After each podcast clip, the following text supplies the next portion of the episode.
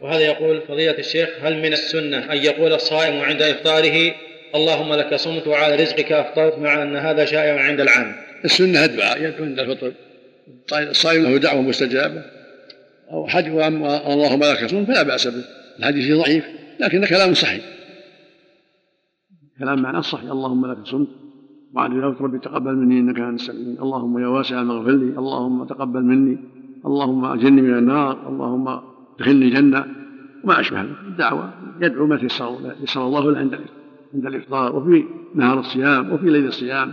يجتهد في الدعاء ليلا ونهارا. ولو كان الدعاء مهم منقول.